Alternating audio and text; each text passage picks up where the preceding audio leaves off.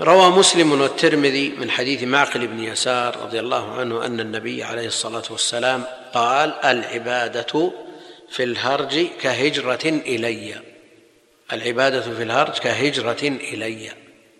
يقول النووي في شرح مسلم قوله عليه الصلاة والسلام العبادة في الهرج كهجرة إلي. المراد المراد بالهرج هنا الفتنة واختلاط أمور الناس وسبب كثرة فضل العبادة فيه أن الناس يغفلون عنها.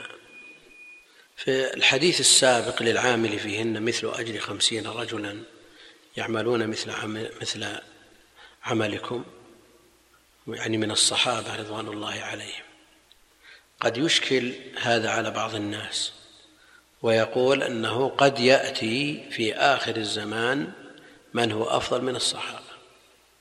لأننا إذا نظرنا إلى بعض أعمال الناس في الزمن المتأخر وجدناه كثير جدا ومتنوع.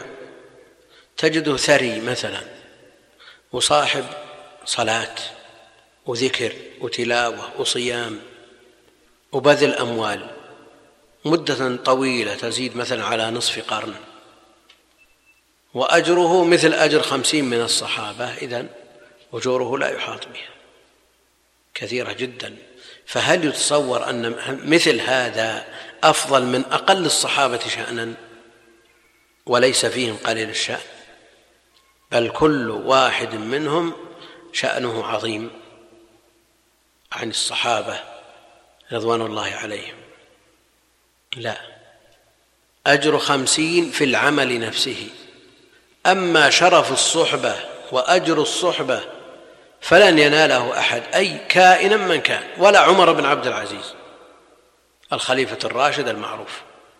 ولما سئل من سئل عن معاوية بن أبي سفيان وعمر بن عبد العزيز أيهما أفضل؟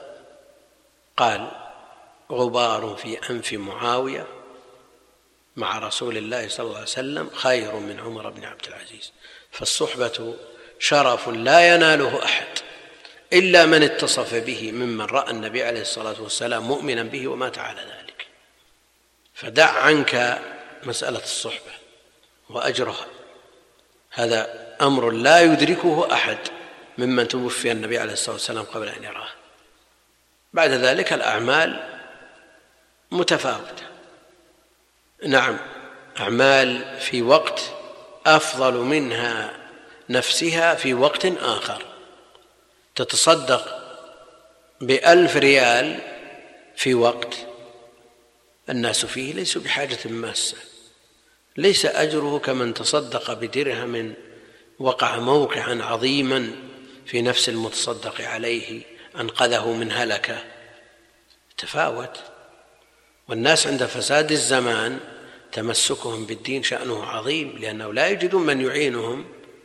وأما في عهد النبي عليه الصلاة والسلام فبعضهم يعين بعضا ويشجع بعضهم بعضا. ومع ذلك شرف الصحبة لا يناله أحد ممن لم يرى النبي عليه الصلاة والسلام مؤمنا به. لأن هذا قد يشكل مقرر عند أهل العلم أن الصحابة أفضل ممن جاء بعده.